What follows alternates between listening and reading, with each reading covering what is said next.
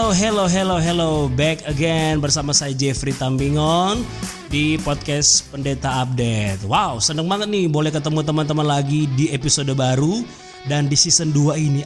Asik season 2. Udah season 2 aja kita. Ya, di season 2 ini tentunya kita akan banyak ngobrol dengan teman-teman pendeta. Mereka akan bercurhat di sini yang tentunya curhatan mereka yang jarang terdengar di mimbar. So, stay tune di sini. Inilah podcast Pendeta Update.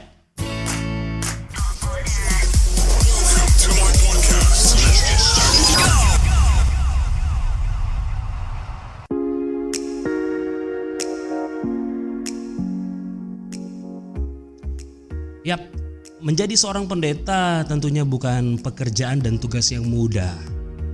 Plus menjadi anak seorang pendeta juga itu ternyata nggak mudah teman-teman. Nah kali ini telah hadir bersama saya kita akan ajak ngobrol ini seorang hamba Tuhan masih muda, energik, kreatif lagi.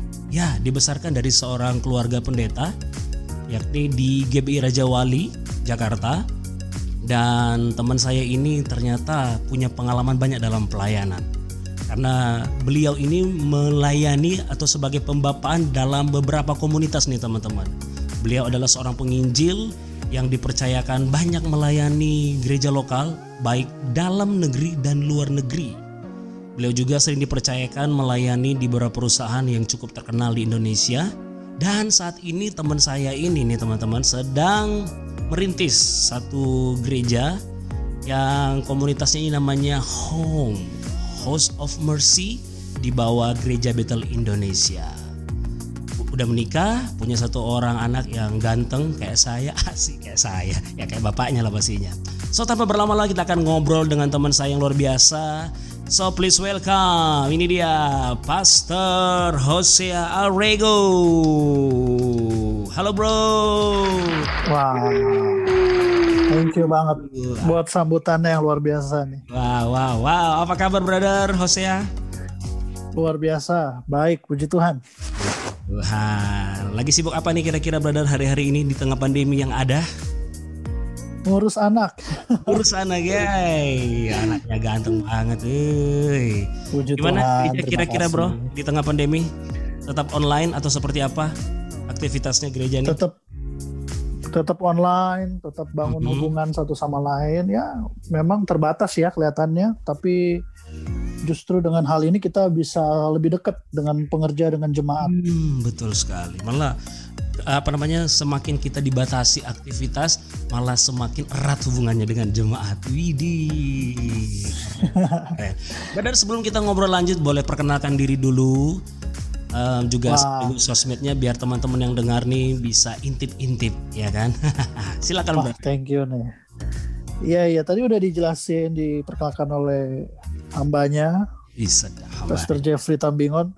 Bisa cari saya di Hosea Alrego Lengkong, saudara cari aja atau Hal Rego.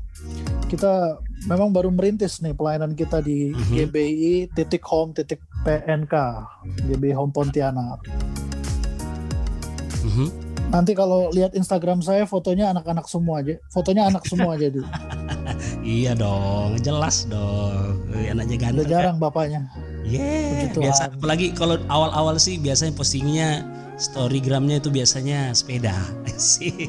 Ah, itu ya sebelum punya anak ya. yes. Oke oke oke. Puji. Tuhan. Puji Tuhan. Thank you ya, udah hadir di lapak saya. Thank you buat kesempatan ini satu kehormatan buat saya diundang. Ya, buat saya apa Pastor eh, Hosea ini adalah seorang yang luar biasa nih teman-teman. Karena di dalam usia yang muda dipercayakan banyak hal ini. Baik eh, keliling berbagai kota, bahkan sempat juga ke luar negeri ya brother ya. Wah ini luar biasa sekali. Dan saat Ya ini Tuhan dipercayakan. Amin. Nah, saat ini seperti yang udah diberitakan tadi sedang merintis. Wow. Jadi teman-teman boleh kepo sekali-sekali, boleh lihat apa aja yang dikerjakan, eh, apa yang sedang dikerjakan oleh Pastor Rosia dan teman-teman di di Home ya, Home House of Mercy. Bener ya, brother ya? Yes, GBI Home. Eh, kira-kira nih, eh, Home ini apa kenapa kok bisa memilih Home? Atau mungkin ada suatu pewahyuan, revelation atau Waduh, kira-kira apa ya. kok kenapa pilih home ya kan? Dari sekian banyak nama, Bro. Kira-kira boleh bagi sedikit deh. Basically memang sebenarnya nggak pengen bangun gereja ya, pengen bangun rumah yang menerima orang dan membawa Oke. kepada Yesus. Wow. Terus di satu pagi waktu baca Alkitab cerita tentang belas kasihannya Yesus waktu dilihat orang banyak. Nah di situlah awal hati saya mengerti melihat bahwa yang dibutuhkan generasi ini belas kasihan. Hmm. Di waktu yang bersamaan penggembala pembina kita memberikan arahan nama gerejanya House of Mercy. Jadi rumah belas kasih. Wah, kok konfirmasi? Ya udah saya singkat. Jadi kita singkat Home House of Mercy. Ternyata dari eh, rumah yang isinya belas kasih ini kalau disingkat juga rumah artinya home. Wow, rumah belas kasih. Well, nah, Brother ini kan biasanya nih melayani sana sini, ya kan dipercayakan banyak hal, bahkan membapai banyak komunitas. Kira-kira dalam usia muda disebut bapak rohani, ada satu apa sih beban atau gimana sih, Brother? Ketika kamu diberikan satu predikat sebagai bapak rohani dari banyak komunitas. By the way, for information teman-teman, Brother Hosea ini, Pastor Hosea ini juga ternyata apa namanya punya teman-teman bahkan mungkin anak rohnya ini selebritis teman-teman. Wow. Bagi sedikit cerita gimana bro? Se- sebenarnya itu semua datang dari dari diri kita yang melihat generasi kita sendiri juga nggak punya bapak kan kita juga artinya nggak punya bapak rohani Mhm. sebagai anak muda sering kali kita pelayanan kita dibatasin banyak banyak roh Saul di gereja yang Hmm. tidak memperlengkapi Daud seharusnya Daud ini diperlengkapi dipersiapkan tapi justru malah jadi saingan dibatasi nggak dikasih Hmm. kepercayaan Oke. lalu nggak dikasih kesempatan. Padahal kalau saya lihat setiap diberi kesempatan potensi itu akan lahir. Iya. Nah dari situ berangkat saya melihat diri saya kok saya cuma punya kakak rohani karena kakak bisa sirik sama adiknya. Hmm, Cuman ini, bapak. Hmm.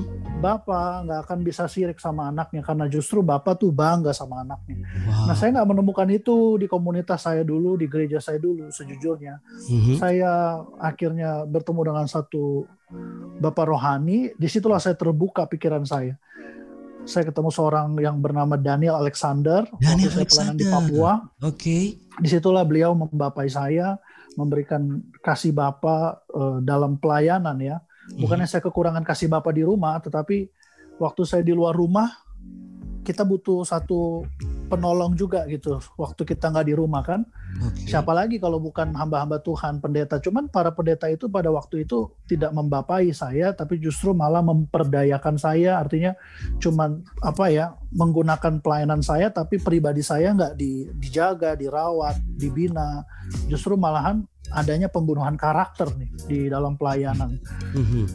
Nah sampai dari situlah saya merasakan kasih Bapa, terus saya melihat kayaknya bukan cuma saya doang, banyak anak-anak muda yang tidak dibapai. Jadi saat itulah Roh Kudus dorong hati saya juga untuk kenapa enggak kalau saya bisa mengalami kasih Bapa, bagaimana enggak saya enggak memberikan kepada mereka yang lain gitu kan. Hmm. Dari situlah dorongan awalnya bro, mulai membapai. Sebenarnya jadi bapak rohani itu beratnya luar biasa. Nah ini Kita penting nih, menjadi bapak rohani berat. Oke. Kenapa? berat, nggak Hmm? sebenarnya nggak mudah kalau bukan panggilan, bukan Hmm. kerinduan itu nanti jadi beban. Karena kita nggak cuma sekedar dipanggil bapak, tetapi kapasitas kita juga harus ada di sana. Karena nggak mungkin orang cuma memanggil kita dengan sebutan papa rohani, tapi tidak ada nilainya di sana kan. Betul. Jadi memang eh, banyak kalau mau cerita ini luar biasa dikecewakan juga. Awal-awal kaget, wah saya juga ngerasa kok dimanfaatin waktu saya bahkan bukan cuma itu uang perhatian Hmm. sampai ujung-ujungnya istri saya terakhir kali itu waktu kami belum punya anak Mhm. dia melarang saya untuk angkat anak rohani lagi karena udah kebanyakan dan dibilang ini kayaknya makin gak sehat kamunya yang kasihan gitu Oke. Tapi namanya kita udah komitmen ya saya merasa Roh Kudus lagi ajar saya Mhm. waktu itu kita keguguran anak pertama Oke. sepertinya Tuhan bicara kamu punya anak rohani belajar di situ one day kamu akan punya anak jasmani Oke. ya sudah akhirnya kita tetap lakukan tapi saya mulai mulai bukan membatasi tetapi saya lebih kepada mendisiplinkan mereka juga sampai Lebih akhirnya ada beberapa gitu, mereka dipertegas gitu. ya Pembapaannya. ya, Oke. eh, karena dalam pembapaan ini faktor utama yang pertama itu adalah penerimaan tetapi waktu kita hanya menerima tanpa mengajar mereka nah ini Mhm. jadi salah gitu jadi bukan hanya diterima tapi juga harus diajar ya kan Yes. Dimuridkan juga. Diajar dan dimuridkan. Wow. Banget nih. Nah, kan brother ini apa namanya dibesarkan dari seorang keluarga pendeta hamba Tuhan. yes Uh, ya, for information teman-teman, uh, ayah tercinta dari brother ini telah dipanggil Tuhan berapa tahun lalu. Kalau boleh tahu namanya Iya. apa brother? pendeta Robert Lengkong Pendeta Robert Lengkong. Oke, ketika brother memiliki predikat sebagai seorang anak pendeta, gimana nih bro rasanya bro? Apakah apa ya? Aku rasanya terbeban banget atau aku bangga loh kalau aku punya aku disebut sebagai anak pendeta.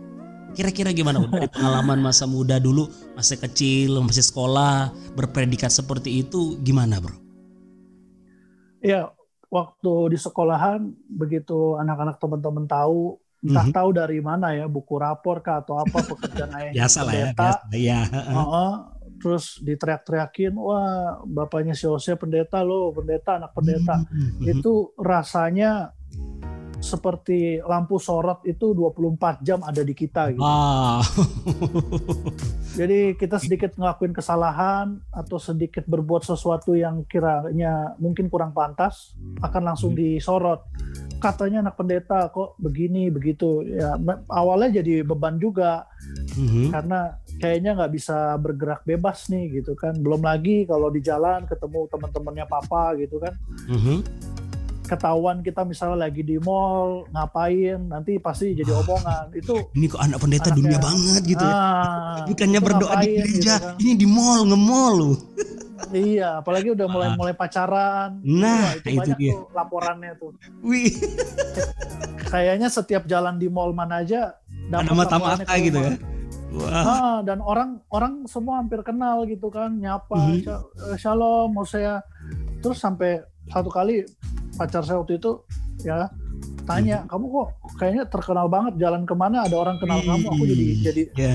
jadi risih nih, jadi nggak enak gitu kan. Waduh, kok kayaknya ngaruh sampai ke situ ya. Akhirnya Mhm. ya ya apa ya pertama pertama nggak ngerti kan kenapa sih kok kayaknya spesial banget gitu loh punya papa seorang hamba Tuhan gitu Mhm.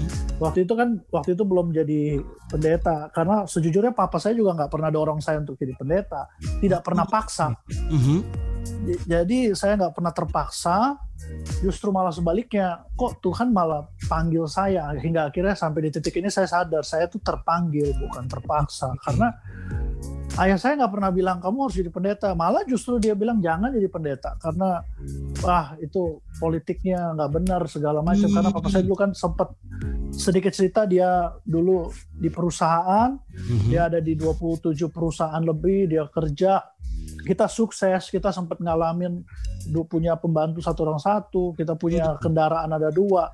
Tapi saat di posisi tertinggi dia justru lepas pekerjaan lalu sekolah Alkitab. Nah kita satu rumah bingung kaget kenapa?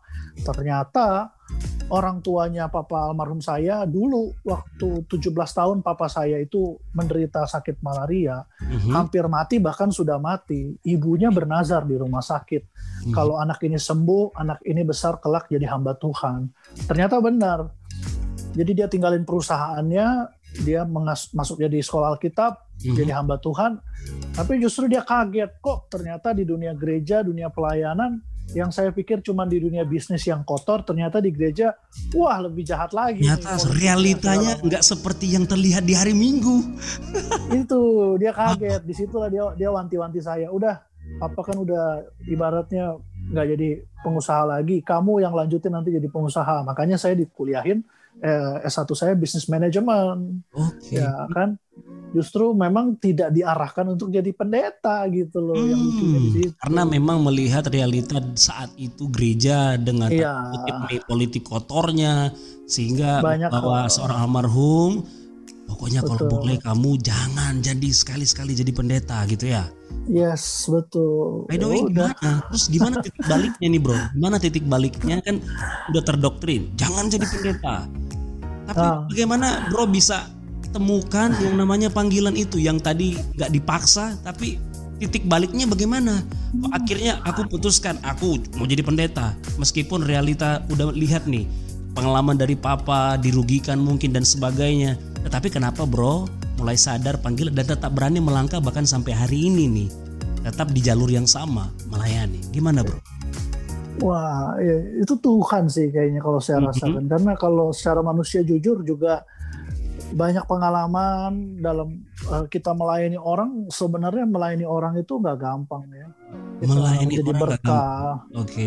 nggak mudah. Dan dan kalau mau dibilang dunia pelayanan gereja itu adalah tempat di mana kita sebenarnya bisa mengerti atau belajar tentang orang itu lebih dari institusi yang lain Mhm. karena di situ kita bisa ketemu karakter orang yang berbeda-beda ya kan sebenarnya nggak gampang lah tapi nggak tahu ya jawaban saya sih cuman mau bilang ya Tuhan yang mengarahkan Tuhan yang Yes. menuntun bener-bener eh, titik baliknya ya waktu pas sadar-sadar ya tiba-tiba sadar Mhm. itu di masa kuliah ya karena waktu Masa kuliah masih kuliah ini apa tadi eh, ekonomi ya atau kuliah eh, business management bisnis sorry bisnis manajemen oke Mhm. Ah, ah, kuliah business management kok setiap di kampus eh, bikin persekutuan ibadah di kampus terus Mhm.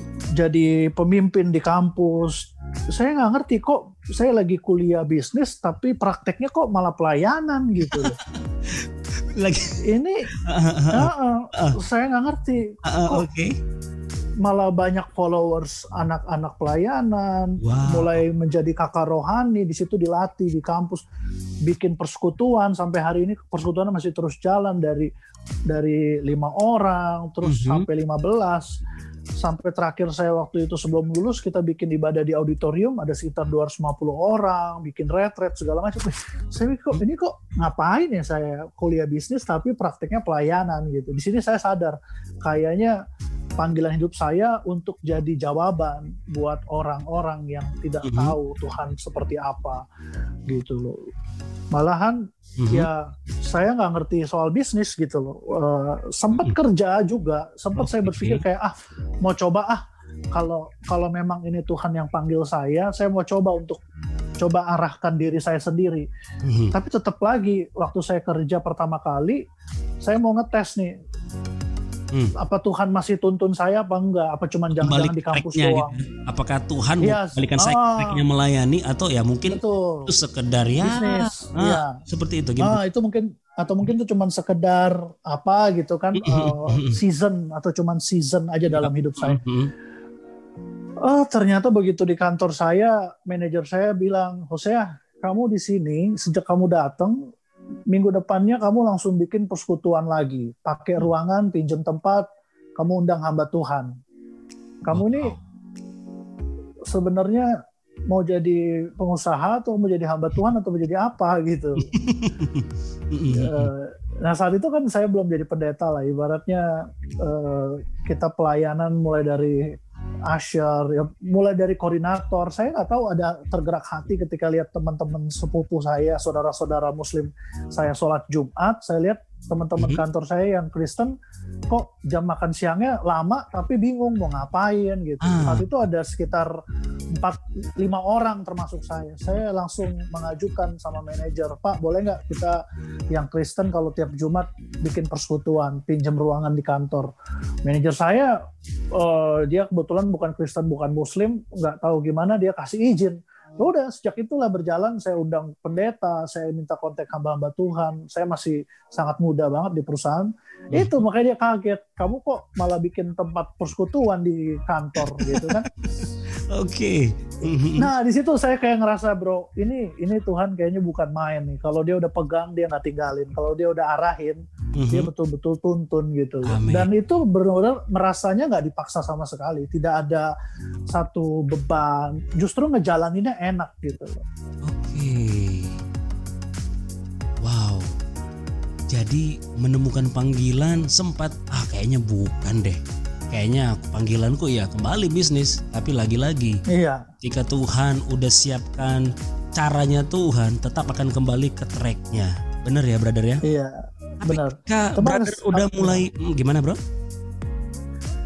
Oh, so- sorry, sedikit. Aku baru ingat, papaku pernah bilang waktu Oke. itu, kalau kamu nanti besar, jadilah seorang pengusaha, tapi hatinya hamba. Nah Gitu. jadilah seorang pengusaha berhati hamba wow Berarti hamba, jangan kamu nanti jadi pendeta atau hamba Tuhan, tapi hatimu pengusaha. Dia ngomong gitu. Mhm. Saya belum belum ngerti itu maksudnya dia, gitu. Cuman sekarang ini saya mulai melihat, wah kayaknya saya Tuhan malah jadikan saya hamba Tuhan dulu nih, gitu kan? Mhm. Saya dijadikan hamba Tuhan dulu malah bukan jadi pengusaha saya nggak ada usaha apa-apa nih Tuhan berarti tandanya saya harus jaga hati saya jangan sampai hati saya jadi pengusaha gitu kan Hmm. Tapi begini brother, ketika Oh. uh, almarhum papa kan cerita nih realita dalam gereja, waktu brother dengar begitu sempat terbersit gini gak sih dalam hati? Kok gereja tuh kayak gitu? Atau mungkin kak apalagi dalam masa-masa muda kita bertumbuh apa ada kepengen aku pengen berontak nih? Karena papa Hmm. ngalamin hal seperti itu. Ini gereja nggak adil.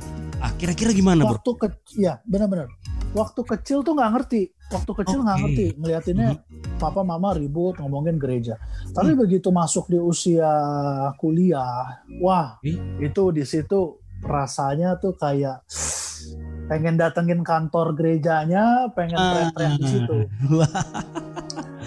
Tapi Tuhan ajarkan saya untuk kamu nggak boleh seperti itu, kamu harus rendah hati karena itu peperangan peperangan papamu bukan peperangan kamu. Jadi jangan kamu ada di peperangan yang salah gitu, jangan ada di pertempuran yang salah. Itu bukan pertempuranmu gitu. Hmm. Akibatnya apa? Saya sadar kalau hari ini saya bisa punya koneksi yang baik itu karena waktu saya masih muda masa kuliah itu saya tidak mengambil peperangan yang salah gitu.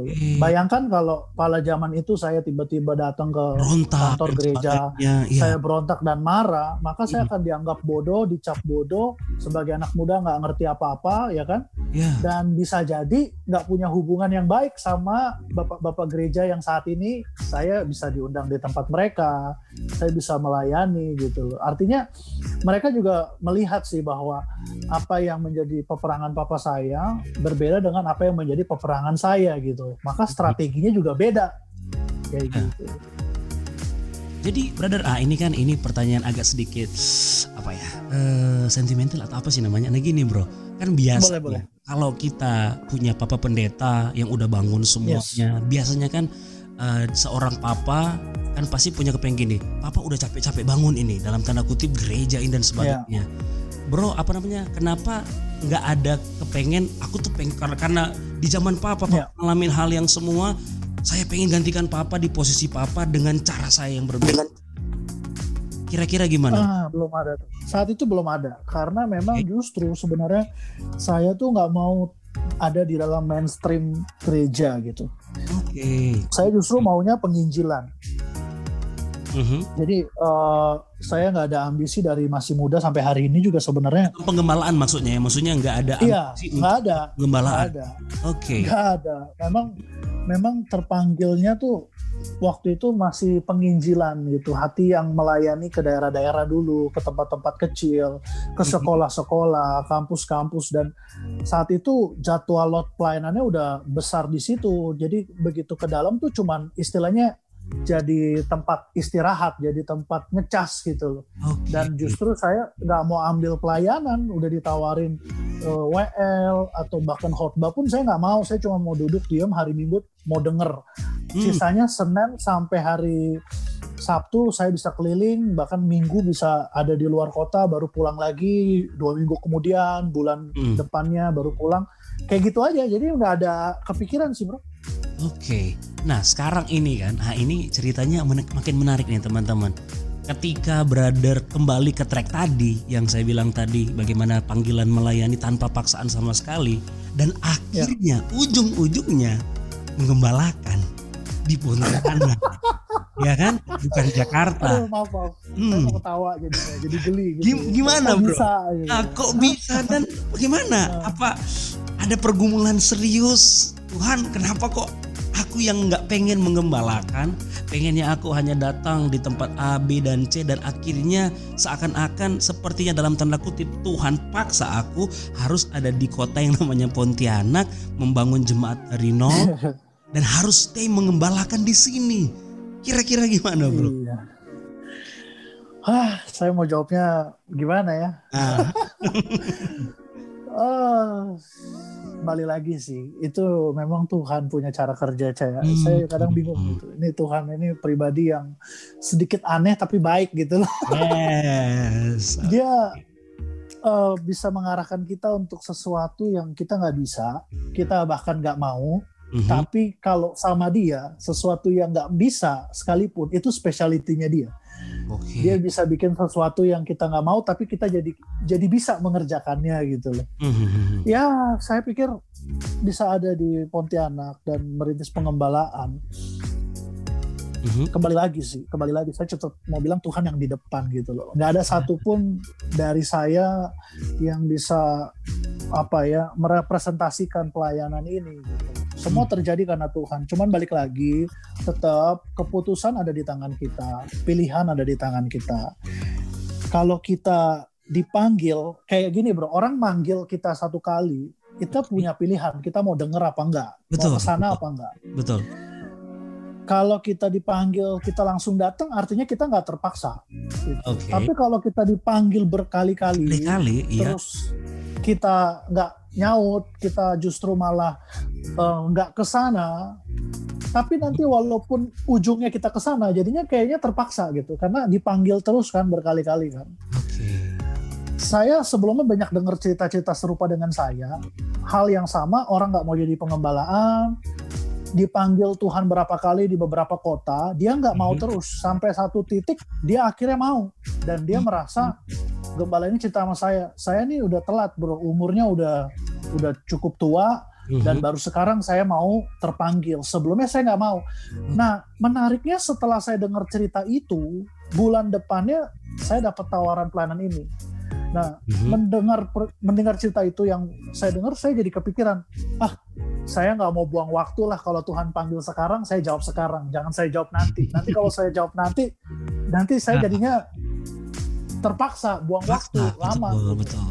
jadi ya udahlah saya iyain walaupun memang kondisinya eh, tidak seperti yang ada di bayangan saya karena Oke. di bayangan saya saya kan di Jakarta punya koneksi pelayanan segala macam Eh, tapi begitu Tuhan bikin proposal buat pelayanan ini di satu kota di mana benar-benar saya belum ada koneksi nggak ada teman. Mhm. ya di situ justru Tuhan justru ngajarin fundamentalnya gitu loh jadi bukan mulai dari sesuatu yang eh, ada tapi justru mulai dari sesuatu yang nggak ada tapi ada Tuhan. Kadang-kadang kan orang kan mau mulai sesuatu dengan semua fasilitas yang ada tanpa Tuhan. Ya. kan dia bisa bikin dia bisa buat. Tapi saya ngelihatnya gini Tuhan ajarin saya walaupun nggak ada apa-apa kalau ada aku maka nanti bisa jadi ada apa-apa di depan gitu. Wow, Ada sesuatu. amin. amin. Tapi aku senang, aku senang di Pontianak aku punya satu teman yang sekarang bikin podcast luar biasa namanya Jeffrey Tambingon. Wow, wow, wow. Paling nggak itu penghiburan bro, jadi Puji Tuhan. aku nggak sendirian di sini. Amin. Wow, luar biasa. Dari yang bergelimpang harta, akhirnya Tuhan izinkan keluarga Brother Hosea harus meninggalkan semua demi melayani dan akhirnya panggilan itu akhirnya datang juga ke anaknya sendiri Brother Yes. Hosea dan akhirnya kembali ke trek Tuhan yang dahulunya lebih senang menginjil. Toh kembali lagi ternyata panggilan Tuhan gak mungkin gagal sama kita kembali lagi ke trek Amen. dan akhirnya melayani di Pontianak. Wow, thank you brother. Thank Ini you banget. sekali. Sangat-sangat menginspirasi, sederhana tapi sangat menginspirasi dan saya percaya semua yang dengar ini pasti diberkati. Thank you brother Amen. untuk waktunya. Walaupun ini cuma Thank sangat singkat, banget. nanti next It's okay. episode harus ada kembali di sini brother. Wah, Thank you thank banget you, ya. Thank you banget Bro Jeffrey. waktunya. Kayaknya Thank you memang buat kalau kalau sama brother Hosia ini nggak cukup 35 menit nih, harus lebih panjang kayaknya. Oke, sekali lagi thank you bro, sukses untuk pelayanannya. Thank you, sama-sama. Berkati anak istrinya, orang tuanya. So teman-teman yang Yes. udah dengar, kalau teman-teman diberkati jangan lupa boleh share kembali podcast ini ke teman-teman yang lain, khususnya mereka anak pendeta. Mungkin pacarmu anak pendeta atau teman-teman anak pendeta. Boleh dibagikan kisah yang menarik dan sangat menginspirasi ini. So teman-teman kalau teman-teman pengen punya tema-tema yang lain boleh langsung DM di Instagram saya di @jeffreytabing atau hashtag pendeta, hashtag pendeta update.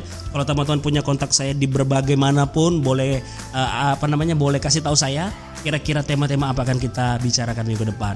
So thank you banget udah setia dengerin podcast ini dari awal sampai akhir bersama saya Jeffrey dan teman saya. Jose Alrico. Oke kami check out sampai ketemu di next episode. Tetap sehat semuanya. God bless and ciao. God bless you. Thank you.